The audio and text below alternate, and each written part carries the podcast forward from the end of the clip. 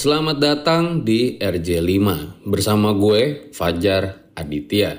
Sebelum dimulai, gue mau ngasih tahu kalau nggak cuma gue, tapi lo juga bisa bikin podcast. Mulai dari rekaman, edit suara, tambah lagu, sampai bisa lo lakuin sendiri dengan platform Anchor. Satu aplikasi buat semua kebutuhan podcast. Bisa di-download dari App Store dan Play Store atau bisa juga diakses dari website www.anchor.fm. Gak cuma buat, tapi lo juga bisa langsung share dan publish hasil rekaman lo ke Apple Podcast, Spotify, Stitcher, dan lain-lain dari Anchor ini. Yang paling penting, Anchor ini gratis.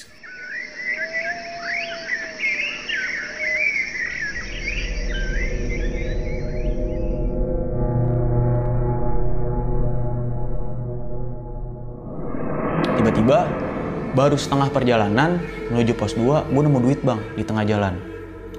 Itu benar-benar posisinya gue bilang duit yang cukup banyak. Itu satu gepok seginilah. Ada 2 ribuan, 10 ribuan, 5 ribuan sama 20 ribuan. Mukanya rata, rambutnya panjang, bajunya putih.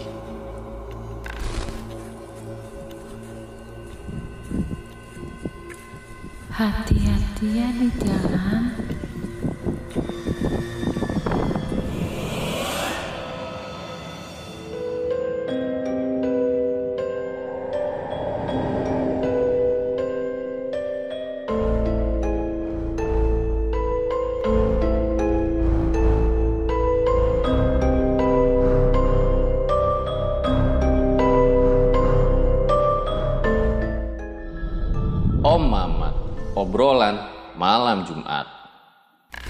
Kembali lagi bersama gua Fajar Aditya. Kali ini di Om Mamat season 2. Malam Jumat, waktunya sama narasumber.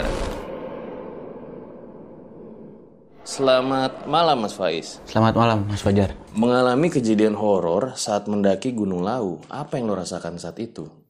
Yang gue rasain sih sebenarnya campur aduk mas. Yang jelas gue bersyukur bisa balik ke rumah lagi. Dan katanya pada saat itu bukan lo doang ya, tapi teman-teman lo juga ngalamin kejadian horor. Teman-teman gue mengalami kejadian horor juga sebenarnya. Teman-teman gue itu mengalaminya pas cerita di bawah pas gue turun. Pas apa yang gue rasain gue ceritain di bawah dan kebetulan teman-teman gue merasakan apa yang seperti gue rasakan. Jadi intinya bukan lo doang lah ya. Bukan gue doang betul. Sebelumnya apa lo pernah ngalamin kejadian horor lain saat mendaki di gunung? Sebelumnya pernah, cuman gue rasa nggak pernah sampai serem ini. Berikut adalah ceritanya.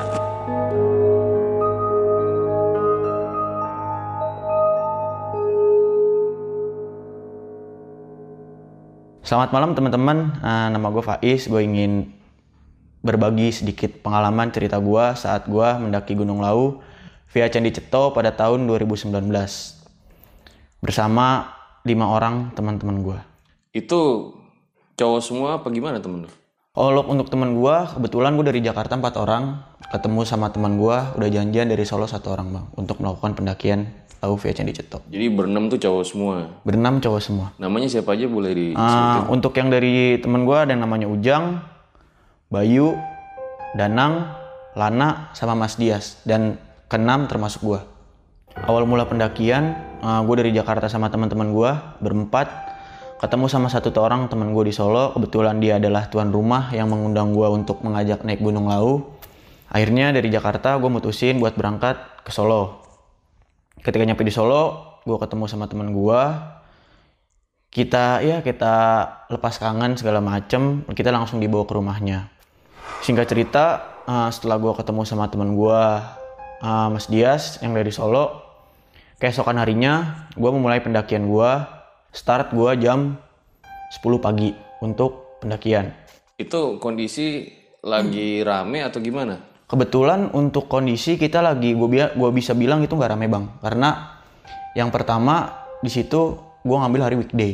Hari biasa yang kedua juga pada bulan-bulan itu cuaca menurut gue lagi kurang bersahabat. Jadi sedikit pendaki menurut gue gue sampai base camp jadi ceto setelah itu gue ngurus surat izin masuk kawasan konservasi Ah, udah tuh, gue mulai trekking jam 10 pagi dari base camp Candi Ceto. 15 menit jalan dari base camp, gue nemu bang, namanya itu Candi Ketek. Pas di Candi Ketek, gue ngerasain ada hal yang menurut gue yang tadi nggak gue rasain di bawah. Tiba-tiba itu tas, tas gue berat.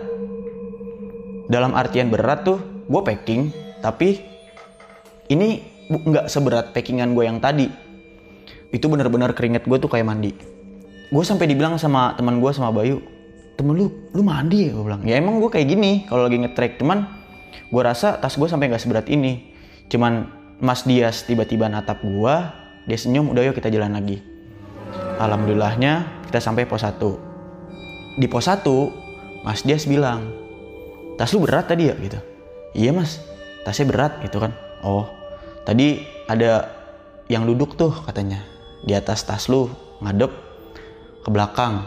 Jadi berbanding terbalik bang. Jadi gua pakai tas gunung dia tuh duduk di atas keril gua dan belakangin gua. Gue bilang mang orangnya kayak gimana mas? Gue bilang. Kata dia itu bukan orang. Terus apa gue gituin kan? Hewan gua nggak merasa ada hewan di situ. Pas gue bilang udah pokoknya orangnya setinggi dengkul kaki lu oh ya udahlah gue juga di situ udah nggak mau tahu kan karena emang gue harus buang pikiran jauh-jauh yang seperti itu.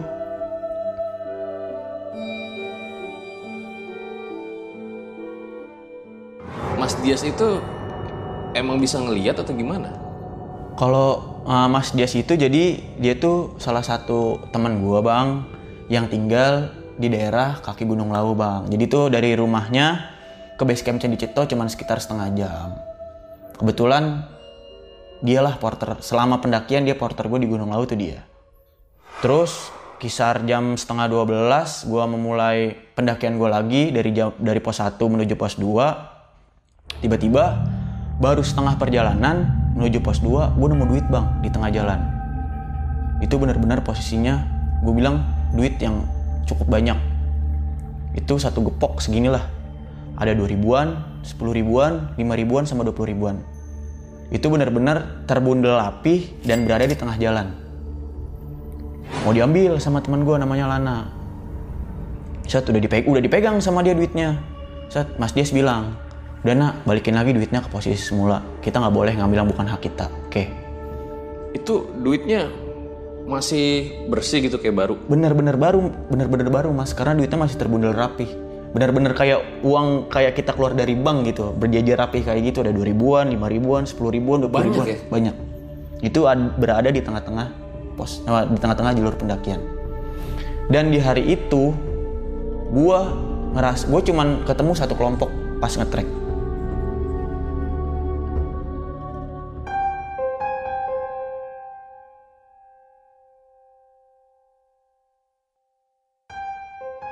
Setelah duitnya udah dibalikin sama si Lana, akhirnya gue memutuskan untuk jalan lagi menuju pos 2. Dan gue sampai tuh di pos 2 sekitar jam setengah dua.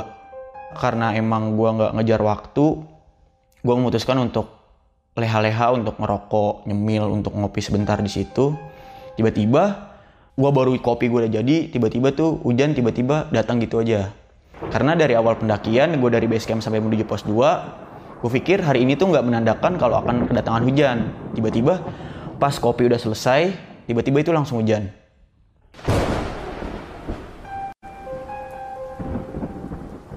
Setelah itu, pas gue menentukan hujan, gue berunding di situ sama teman-teman gue.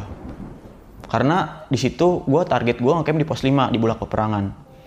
Yaudah, sekitar jam setengah tiga penuh dengan perdebatan, akhirnya gue mutusin untuk pakai jas hujan menuju ke pos 3. Pas gue pengen dari pos 2 ke pos 3 jalan lagi, tiba-tiba hujan reda dan gue uh, mutusin sebagian teman-teman gue untuk ngelepas jas hujannya. Ada beberapa yang masih make. Tiba-tiba dari pos 2 ke pos 3 hujan datang gitu lagi aja. Ber, nggak ada tanda-tanda gerimis atau tiba-tiba tuh hujan yang gede aja, bah. Mas. Tiba-tiba hujan gede dan gua mutusin di situ untuk kita bikin bivak sementara atau plesitan. Setelah tiba gua mutusin buat bikin bivak sementara, tiba-tiba tali rapia kelompok pendaki gua nggak ada, Bang. Dan gua mutusin karena emang kita mau flesitan, gue cari apa pun di alam yang bisa diikat. Gue mutusin sama temen gue sama Ujang berdua. Gue bilang yaudah jang kita cari gue bilang kita cari kita, cari akar-akaran gue bilang yang bisa diikat asal flashsheet kita kebangun dan teman-teman kita nggak kehujanan. Akhirnya gue bentangin flashsheet gue teman-teman gue di bawah flashsheet gue sama ujang keluarin pisau gue potong akar yang bisa akar yang tipis yang bisa diikat dari flashsheet ke pohon. Udah ngikat semua. Pas giliran gue pengen ikat ini akar terakhir jadi gue bikin flashsheet itu di belakang gue ada satu pohon gede. Nggak tahu kenapa emang dari awal gue udah ngerasain aura yang gak di situ bang. Dari situ ini tinggal akar terakhir yang gue pengen ikat ketika gue pengen ikat di bawah gue udah jongkok. Gue kayak gini bang. Kan otomatis gue ngeliat ke pohon tunggalnya. Tiba-tiba ada yang ngelongok. Mukanya rata rambutnya panjang bajunya putih. Gue gua gue takut. Cuman gimana caranya gue nguatin diri gue gue nggak gue kayak nggak kelihatan ada apa-apa di depan teman-teman gue gue balik ke flashsheet tiba-tiba badan gue menggigil. Yang benar-benar luar biasa gue menggigil dari berenam dari gue berenam teman-teman gue gue tuh menggigil yang benar-benar nggak bisa ditahan. Gue bilang sama teman-teman gue kita nggak bisa kayak gini terus gue bilang. Kenapa? gue bilang. Kita nggak bisa kayak gini terus kata temen gue yaudah lu terus maunya gimana? gue bilang. Gue mau kita rame-rame ke pos 3 kita jalan lagi. Ini hujan deras banget. Ini bener-bener hujan yang deras banget bang. Saking derasnya itu hujan gue ngetrek pun air hujan tuh nabrak dada gue bang Itu yang minta buat nerusin perjalanan siapa? gue sendiri gue pribadi. Karena gue mikirnya kita di situ bikin bivak sementara udah nggak diterima. Entah gue nggak permisi ataupun emang dia nggak bisa nerima sosok kedatangan tamu. Yang gue rasain sih yang menurut gue sih kayak gitu bang. Itu mukanya bener-bener rata.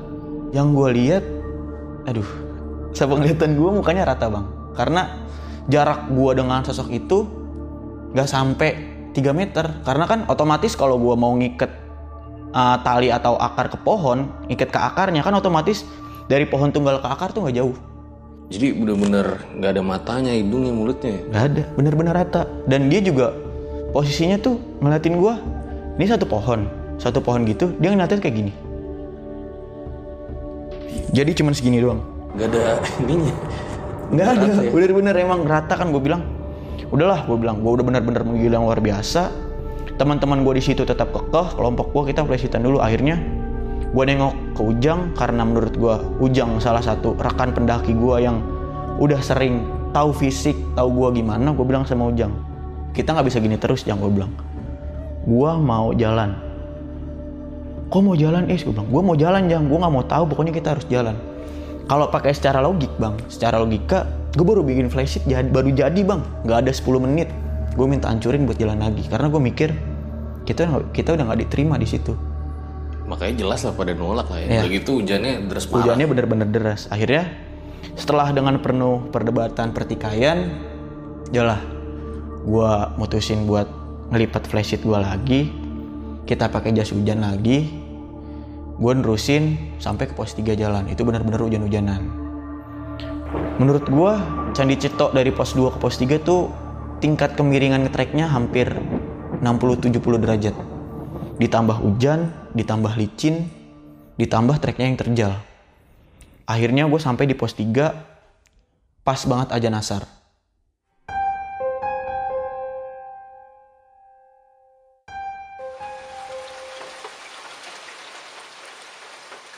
Akhirnya pas sampai pos 3 itu ada shelter. Shelter tuh kayak semacam bilik atau gubuk kayak gitu. Gue masuk ke situ untuk neduh. Ini kita gimana? Gue bilang. Kita mau ngecamp di pos 3 atau kita lanjut ke pos 5. Sedangkan kalau kita lanjut ke pos 5, posisi udah jam setengah 4. Sedangkan tadi lulu orang semua dengar kalau kita tidak dianjurkan lewat pos 4 dalam keadaan gelap. Siapa yang nganjurin? Uh, kebetulan pas gua ngurus uh, surat simaksi, gua briefing sama orang situ, Orang base campnya orang ya? base camp, orang base campnya tidak menganjurkan lewat pos 4 pada malam hari ataupun menjelang malam. Pokoknya dia tidak dianjurkan kalau udah gelap itu udah nggak boleh tidak dianjurkan lewat situ. Gue sepakat sama kelompok pendaki gua sama teman-teman gua berenam untuk bangun tenda di pos 3. Setelah gue bangun tenda, gue makan segala macem, gue isi perut. uh, hujan berhenti. Akhirnya malam hari gue ngutusin buat keluar tenda untuk ngopi-ngopi sejenak sebelum gue tidur.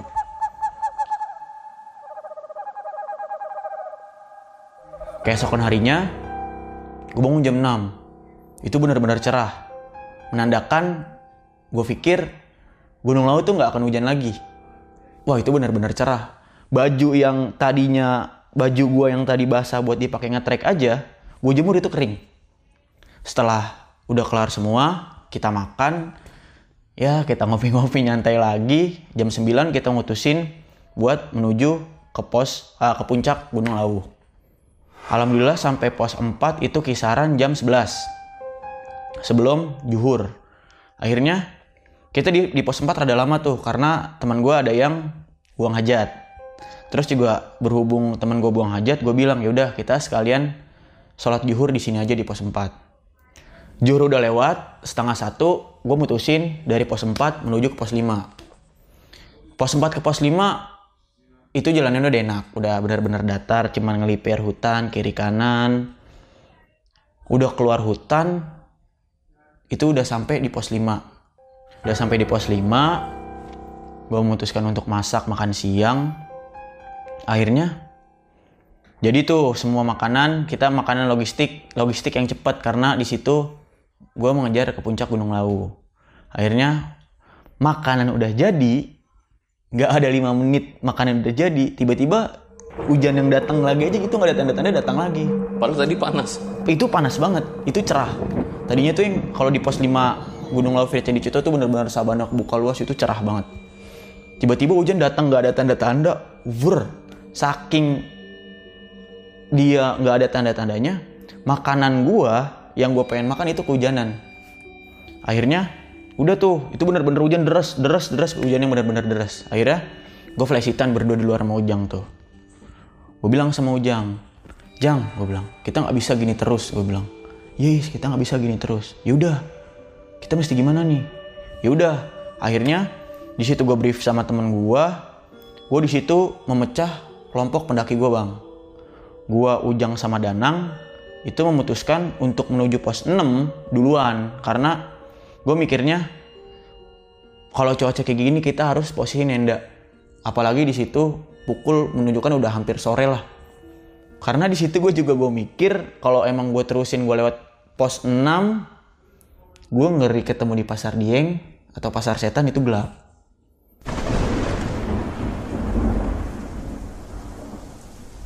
udah tuh kita cepet bang karena gue dari pos 5 ke pos 6 gak pakai istirahat sama sekali. 45 menit gue setelah berjalan dari pos 5 ke pos 6 sampailah di pos 6 posisi pos 6 itu sepi nggak ada tenda nggak ada tenda nggak ada tanda-tanda kalau pendaki ada yang naik ataupun turun. Gue bangun tenda aja bang. Gue lagi pas bangun tenda itu tenda gue tenda gue tuh berkibar kayak bendera saking anginnya bener-bener kenceng. Temen lu yang lainnya? Yang lainnya menyusul bang. Ketika gue bangun satu tenda udah jadi Nah teman-teman gue yang rombongan bertiga lagi kan gue pecah tiga-tiga tuh. Rombongan gue bertiga dia sampai akhirnya. Pas tenda satu udah jadi di situ fisik gue udah gak kuat bang gue pribadi. Gue bener-bener emang yang udah merasakan dingin yang luar biasa. Gue udah nggak bisa maksain di situ gue masuk tenda akhirnya tenda satu udah jadi kita masuk tenda.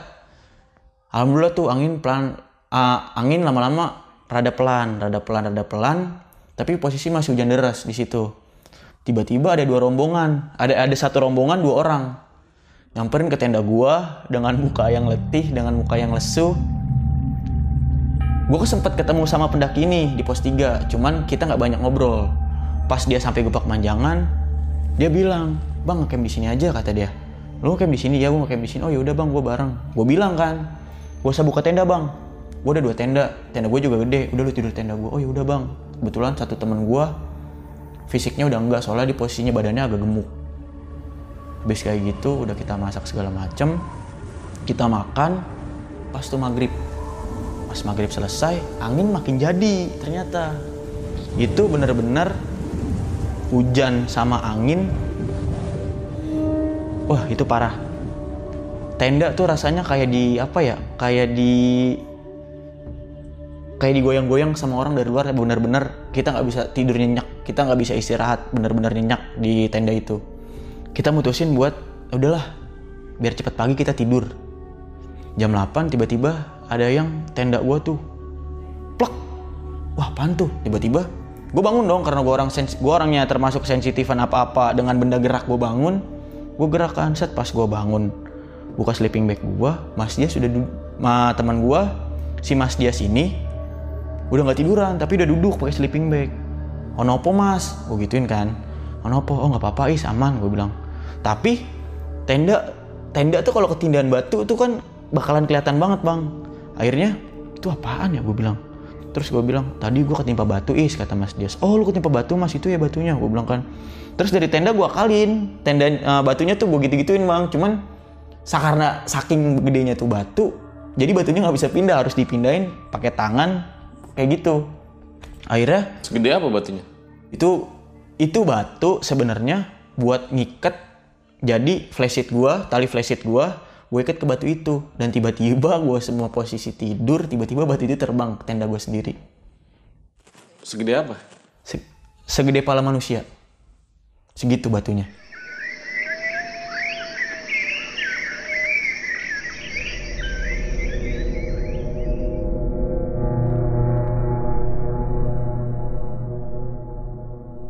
Hai, sebelum kita lanjut, kenalan dulu yuk sama partner misteri gua.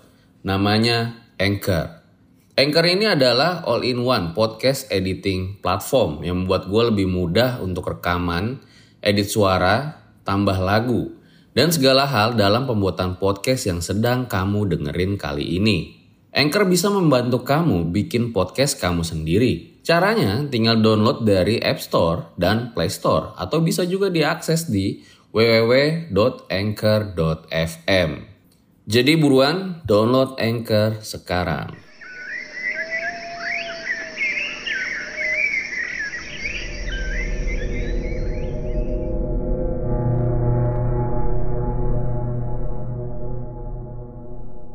udah kayak gitu Apa karena angin? Bukan. Nah kalau gue pikir angin nggak mungkin dong bang dia Gede pala manusia. Sa- yang satu segede pala, yang dua dia ngelontar ke atas. Kalau paling angin paling cuman Jadi mas lu ditimpuk gitu. kayak ditimpuk. Udah kayak gitu, gue bangun tuh, gue bangunin semuanya, gue bangun, bangun, bangun, bangun, udah bangun. Flashlight bocor nih, gue bilang. Flashlight karena emang posisi di situ hujan, flashlight gue ada satu tali yang putus tuh, batu itu kan buat inian flashlight gue. Dia udah putus, akhirnya gue di situ udah nggak berani keluar bang. Karena gue pikir satu di Gupak Manjangan itu benar-benar yang posisi gelap, gue cuman ada dua tenda, yang kedua angin gede banget, yang ketiga hujan. Akhirnya Ujang sama Danang ngeberaniin diri. Ya udah, flashlight gue yang benerin. Setelah flashlightnya bener lagi, Ujang sama Danang itu masuk ke dalam tenda. Pas udah masuk ke dalam tenda, ngobrol-ngobrol bentar, mutusin buat tidur lagi.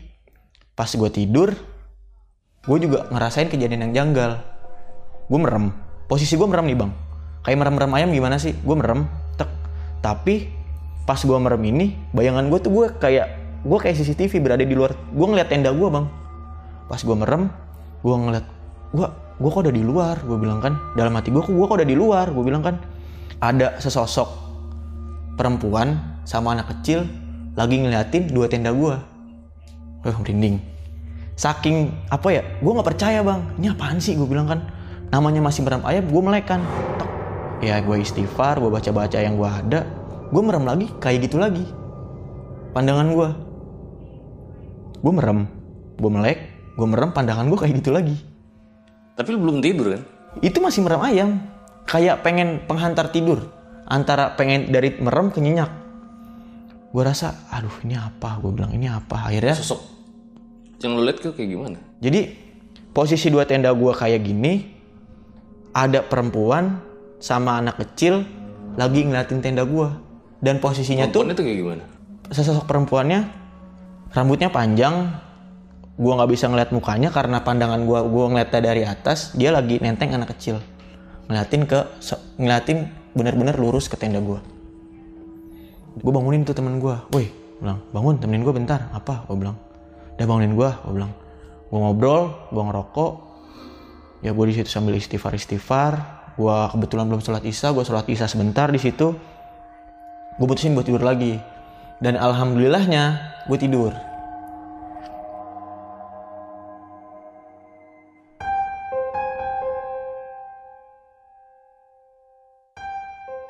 Itu pada saat lo ngalamin kejadian ngelihat sosok wanita sama bocah itu, iya. lu doang apa yang lain ada juga? kebetulan pas gue cerita apa yang gue alamin pada saat itu pas gue turun di bawah ternyata yang merasakan kayak gitu bukan gue doang. Bayu yang satu tenda sama gue merasakan seperti kayak gitu juga bang. Ngalamin kayak yang lu alami. ngalamin juga. Gue bilang kan sama Bayu emang lu ngalaminnya kayak gimana? Gue bilang cewek iya kata dia. Anak kecil iya gue bilang. Terus lurus dari tenda kita? Iya seperti sudah sama kayak gue itu dia ngomong sendiri. Gue bilang ciri-cirinya apa yang gue alamin gue ceritain ke dia sama. Dan dia dia yang ngiyain. Pagi tiba udah tuh di Gupak Manjangan angin benar-benar masih kenceng. Sepanjang malam sampai pagi itu kenceng banget benar-benar angin. Sampai akhirnya gue mutusin buat bongkar tenda gua itu jam 7 pagi. Sarapan pun juga udah jadi gue mutusin buat sarapan. Pas gua pengen jalan ah, ketemu sama tiga orang lewat ah, lewat depan tenda gua. Dia mau bilang mau ke puncak lau oh ya udah. Dia lewat. Setelah kita makan packing kelar gue jalan lagi tuh. Baru banget jalan keluar hutan mau masuk ibaratnya mau masuk ke sabana. Kalau ada yang pernah ke Candi Cito tuh dari Gumpak Manjangan ke buat keluar dari area Kembrono itu benar-benar sabana yang luas. Baru juga keluar kabut hilang angin hilang. Kabut hilang angin hilang. Gue bener-bener ngeliat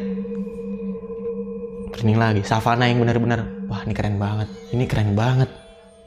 Ini bener-bener kok tadi kita tidur gue bertanya-tanya dalam diri gue baru banget jalan 5 meter angin hilang hujan reda. Ah ya udahlah gue stay positif lagi. Gue lanjut jalan lagi kebetulan eh, dari pos 6 ke menuju puncak gunung lawu ini yang dua orang ini yang tadi satu kelo- satu kelompok dua orang ini jadi ngikut rombongan gue jadi gue Jadi bareng-bareng ya. jadi gue berlapan. Jadi gue berlapan. Gue menuju pasar Dieng atau pasar setan. Udah tuh pas menuju pasar setan gue kepecah lagi tuh rombongan gue. Gue bertiga, gue Danang sama Ujang, sama berlima. Karena yang satu ada hap-hap. Yang menurut gue yang tadi badannya yang gede itu namanya kan hap-hap. Dia badannya gede. Karena gue bukannya gue nggak mau ngikutin dia, toh gue juga akan nungguin dia. Ini cuman kayak gue cuman ngecek jalur. Nanti jalur pendakian kayak gimana? Pas gue sampai di pasar Dieng itu kisaran jam 9 jam 9 sampai pasar Dieng. Gue nggak mau masuk pasar Dieng dulu. Gue bertiga uh, sama Ujang sama Danang nungguin rombongan yang berlima sampai. Akhirnya sampai sebelum masuk pasar Dieng kita ya sebabut-sebabut lagi hahi lagi have fun lagi. Udah tuh baru banget masuk tiba-tiba kabut lagi. Jarak pandang bisa gue bilang cuman 2 meter bener-bener kabut yang bener-bener tebel. Akhirnya pas nyampe baru masuk pasar Dieng gue berunding sama ber uh, bertujuh ini. Kita mesti gimana? Gue bilang. Ujang bilang ya udah. Lu paling depan semuanya kita tentuin berurutan terus kita ngetrek pegangan tangan. Itu dibayangin aja bang. Gue di gue di posisi terakhir di di baris ke depan gue dua orang aja. Gue cuma cuma dengar suara nggak tahu bentuknya kayak gimana dia ngomong apa. Karena benar-benar jarak pandang meminimalisir. Akhirnya kita pegangan tangan. Alhamdulillah lewat pasar Dieng. Alhamdulillah tuh pasar Dieng udah kelar udah selesai udah udah pengen sampai lewatin pasar Dieng. Itu harga dalam udah kelihatan. Pas pengen itu posisi masih pasar Dieng ya. Pas pasar Dieng di pasar Dieng tiba-tiba Bayu nyeletuk. Kok gue lapar ya? Padahal kan etisnya kalau secara logik pikiran di Gupak Manjangan kita makan sarapan. Itu belum nemu siang pun itu belum nemu siang. Bayu nyeletuk lapar gue semua ngerasakan lapar bang. Gue nggak tahu itu halu doang atau kayak gimana tapi di situ bener-bener gue ngerasain pas Bayu bilang lapar kok gue juga lapar ya? Kok gue juga lapar ya? Jadi gitu semua bang teman-teman Semuanya tuh ya? semua merasakan serentak lapar. Dari situ udahlah gue bilang tuh boyem udah kelihatan gue bilang tuh harga dalam udah kelihatan. Udahlah kita di boyem dulu. Gue bilang kan kita menuju ke boyem dah sampai boyem kita makan bang. Namanya sego pecel. Untuk di kalangan pendaki menurut gue sego pecel ini udah terkenal lah. Udah kita foto-foto ngopi ngeteh di boyem kan. Karena kita kebanyakan hahi sih menurut gue kebanyakan nyantainya. Kita terbuai tiba-tiba sore jam asar. Setengah empat. banyak Iya. iya Hai hai ngopi kita bercengkrama satu sama lain ketemu pendaki. Kan karena dari Boyem itu persimpangan jalur. Dari Cemoro Kandang ketemu dari Cemoro Sewu ketemu. Kebetulan di situ banyak banyak banyak pendaki kan. Udah tuh jam setengah empat kita ngerundingin lagi. Biasanya kan kita ngejar sunset ya. Sunset gue bilang kita sunsetan nggak? Ah udahlah besok aja pagi kita semalam lagi di sini. Lu yakin? Gue bilang sama rombongan gue tuh gue discuss lagi.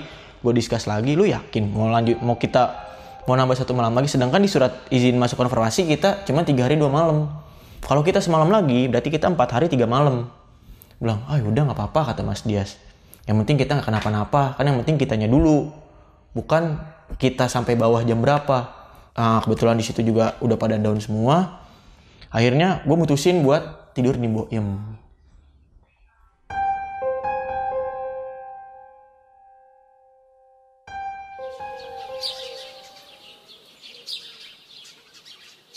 Setelah gue tidur di Boyem, pagi tiba. Sekitar jam setengah enam, gue memutuskan untuk summit attack.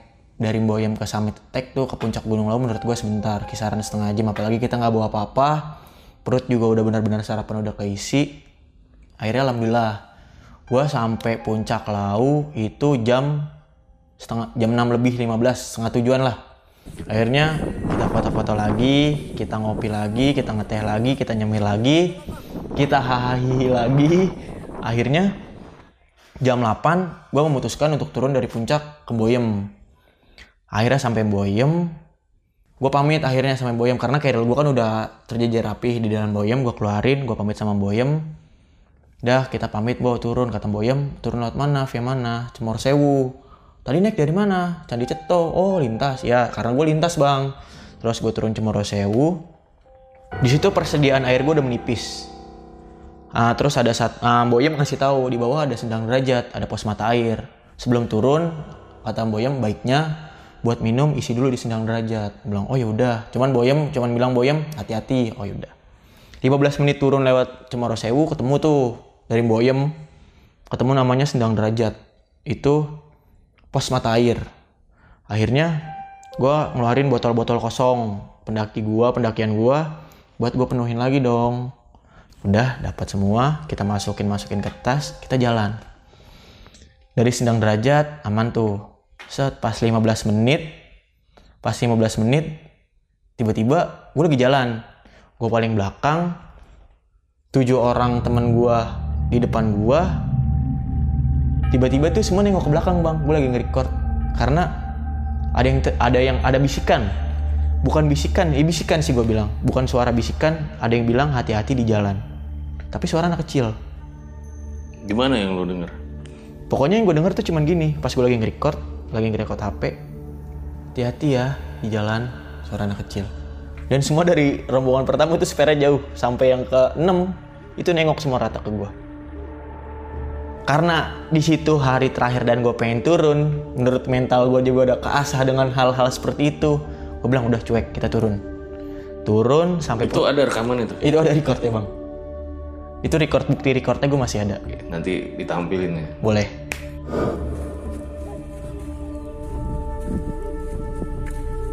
Hati-hati ya di jalan.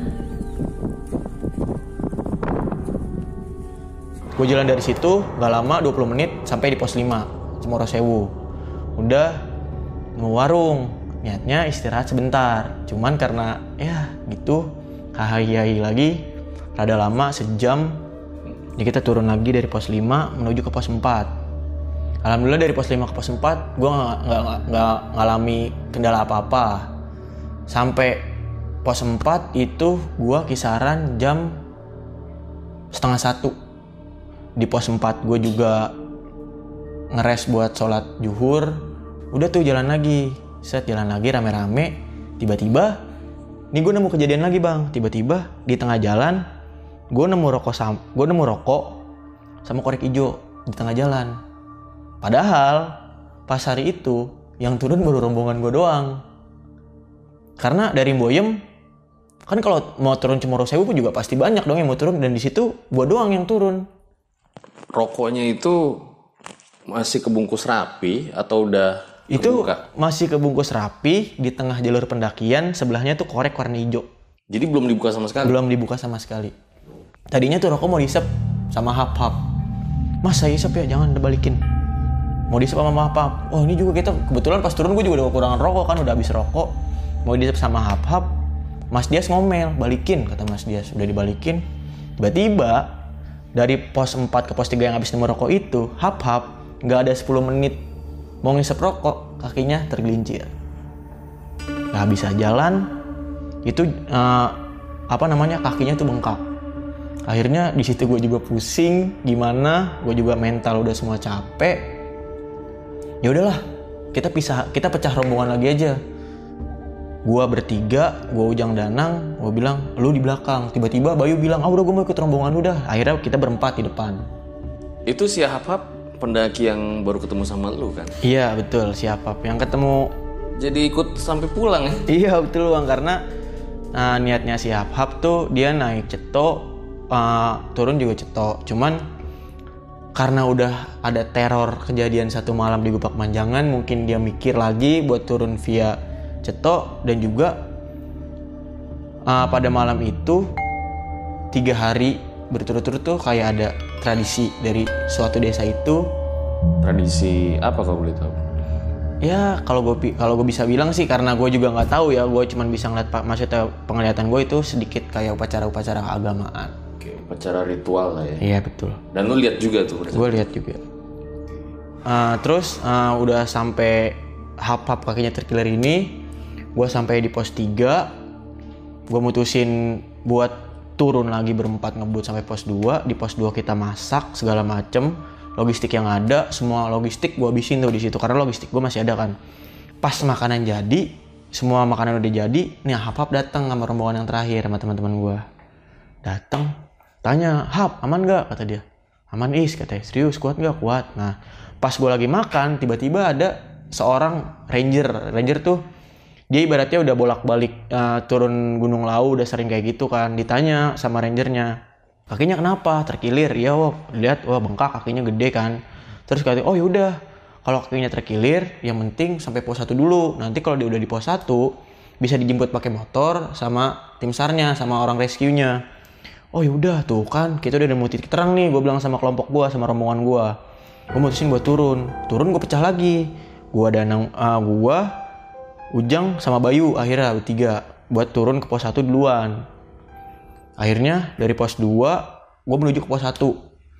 Gue dengan ngebut-ngebut-ngebut segala macem sampai pos 1 itu jam 4. Udah tuh gue istirahat sebentar kan sama Ujang sama Bayu. Gue lagi istirahat. Tiba-tiba tuh ada yang kayak gini bang. Q. Q. Sedangkan Q tuh kode pendaki gue. Ngodein kalau emang wah nih orang udah deket gitu kan tiba-tiba ada yang kiu kiu gue bilang sama Ujang Jang cepet juga dia ya gue bilang sama Ujang udah yuk jemput kata dia udah tuh gue jemput gue jalan kisaran 50 meter 100 meter kok nggak ada yang kiu kiu lagi Jang gue bilang kan sama Ujang nggak dia nggak ada yang kiu kiu lagi Jang gue bilang kan udah dah kita duduk dulu di ngeres dulu di sini kayaknya ada yang nggak beres nih gue bilang kan gue ngerokok lagi nemu dua orang tuh pendaki bang tanya tahu pendaki yang kakinya terkilir nggak yang lima orang di belakang. Oh ada bang di belakang masih jauh. Lah serius bang? Iya. Gue bilang dong ke Ujang. Tadi siapa yang kiw-kiwin kita ya? Gue bilang kan. Gue di situ mau Ujang langsung tatap-tatapan, langsung ketawa-ketawa aja. Udahlah kita turun. Tiba-tiba pas gue pengen turun ada suara priwit, priwitan. Fit, fit. Biasanya kan kalau gitu nandain buat SOS, tapi suaranya dari dalam hutan. Bukannya gue nggak mau tolongin sama Ujang, karena emang gue di situ juga udah ngalamin banyak kejadian yang kayak gitu gue pikir ah itu cuman halusinasi gue aja gue akhirnya gue turun ke menuju pos satu lagi Tapi nggak tiga kali kan periwitnya? apaan periwitannya panjang bang Fit.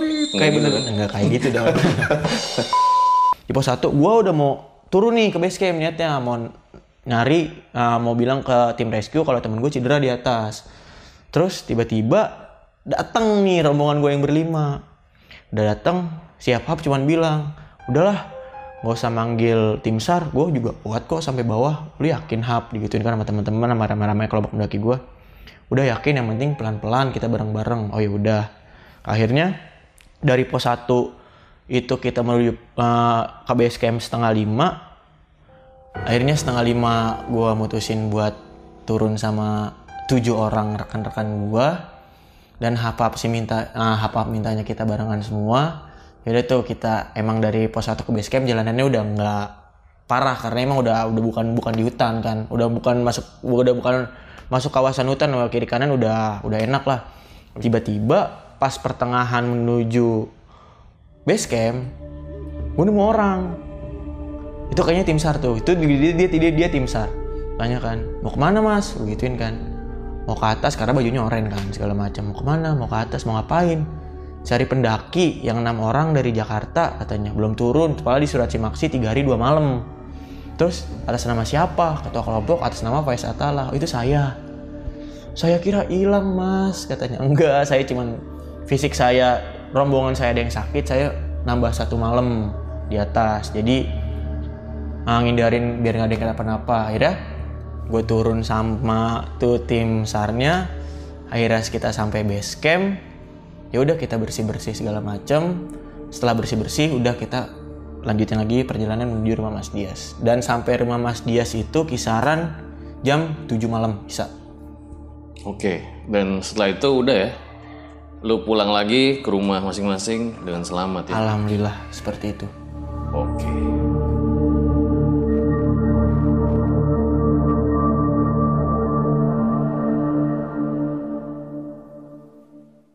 Itu dia guys, sebuah kisah yang sangat luar biasa sekali dari Faiz ya, di mana banyak pelajaran yang bisa kita ambil dari pengalaman Bro Faiz ini.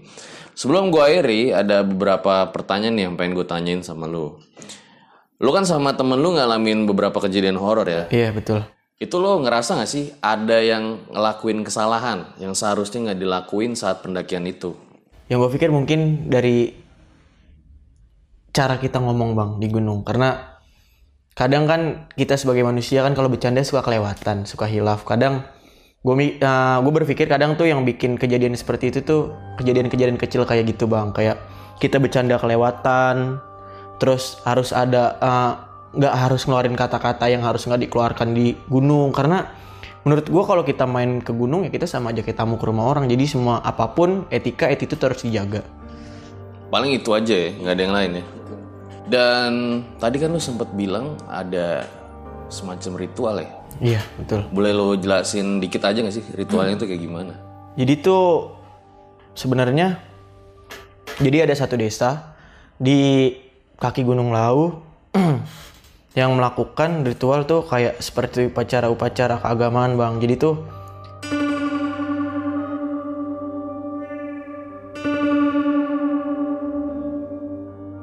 Itu lo lihat tuh proses ngeliat bang, betulan.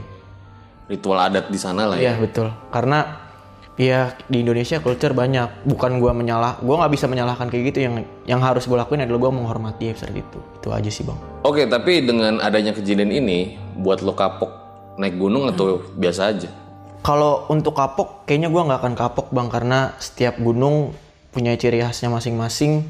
Setiap pendakian punya ceritanya masing-masing. Jadi menurut gua gua nggak akan kapok karena menurut gua gunung adalah salah satu guru buat gua belajar hidup juga. Oke, intinya pengalaman horor bisa dialamin di mana aja ya. Betul. Di gunung doang ya. Betul. Dan kita pun setelah mengalami ya harus menjalani kehidupan seperti biasa lagi ya. Iyalah betul. Oke, gue rasa cukup demikian video Mamat pada kali ini. Thank you nih, Bro Faiz. Udah nyempetin waktu datang ke RJ5. Siap, sama-sama. Ambil baiknya dan buang buruknya. Dengan adanya cerita-cerita seperti ini, jangan malah menjadikan kalian takut. Akan tetapi kalian harus semakin yakin dan percaya dengan kebesarannya. Gua Fajar Aditya, Bro Faiz, RJ5, undur diri. Ciao.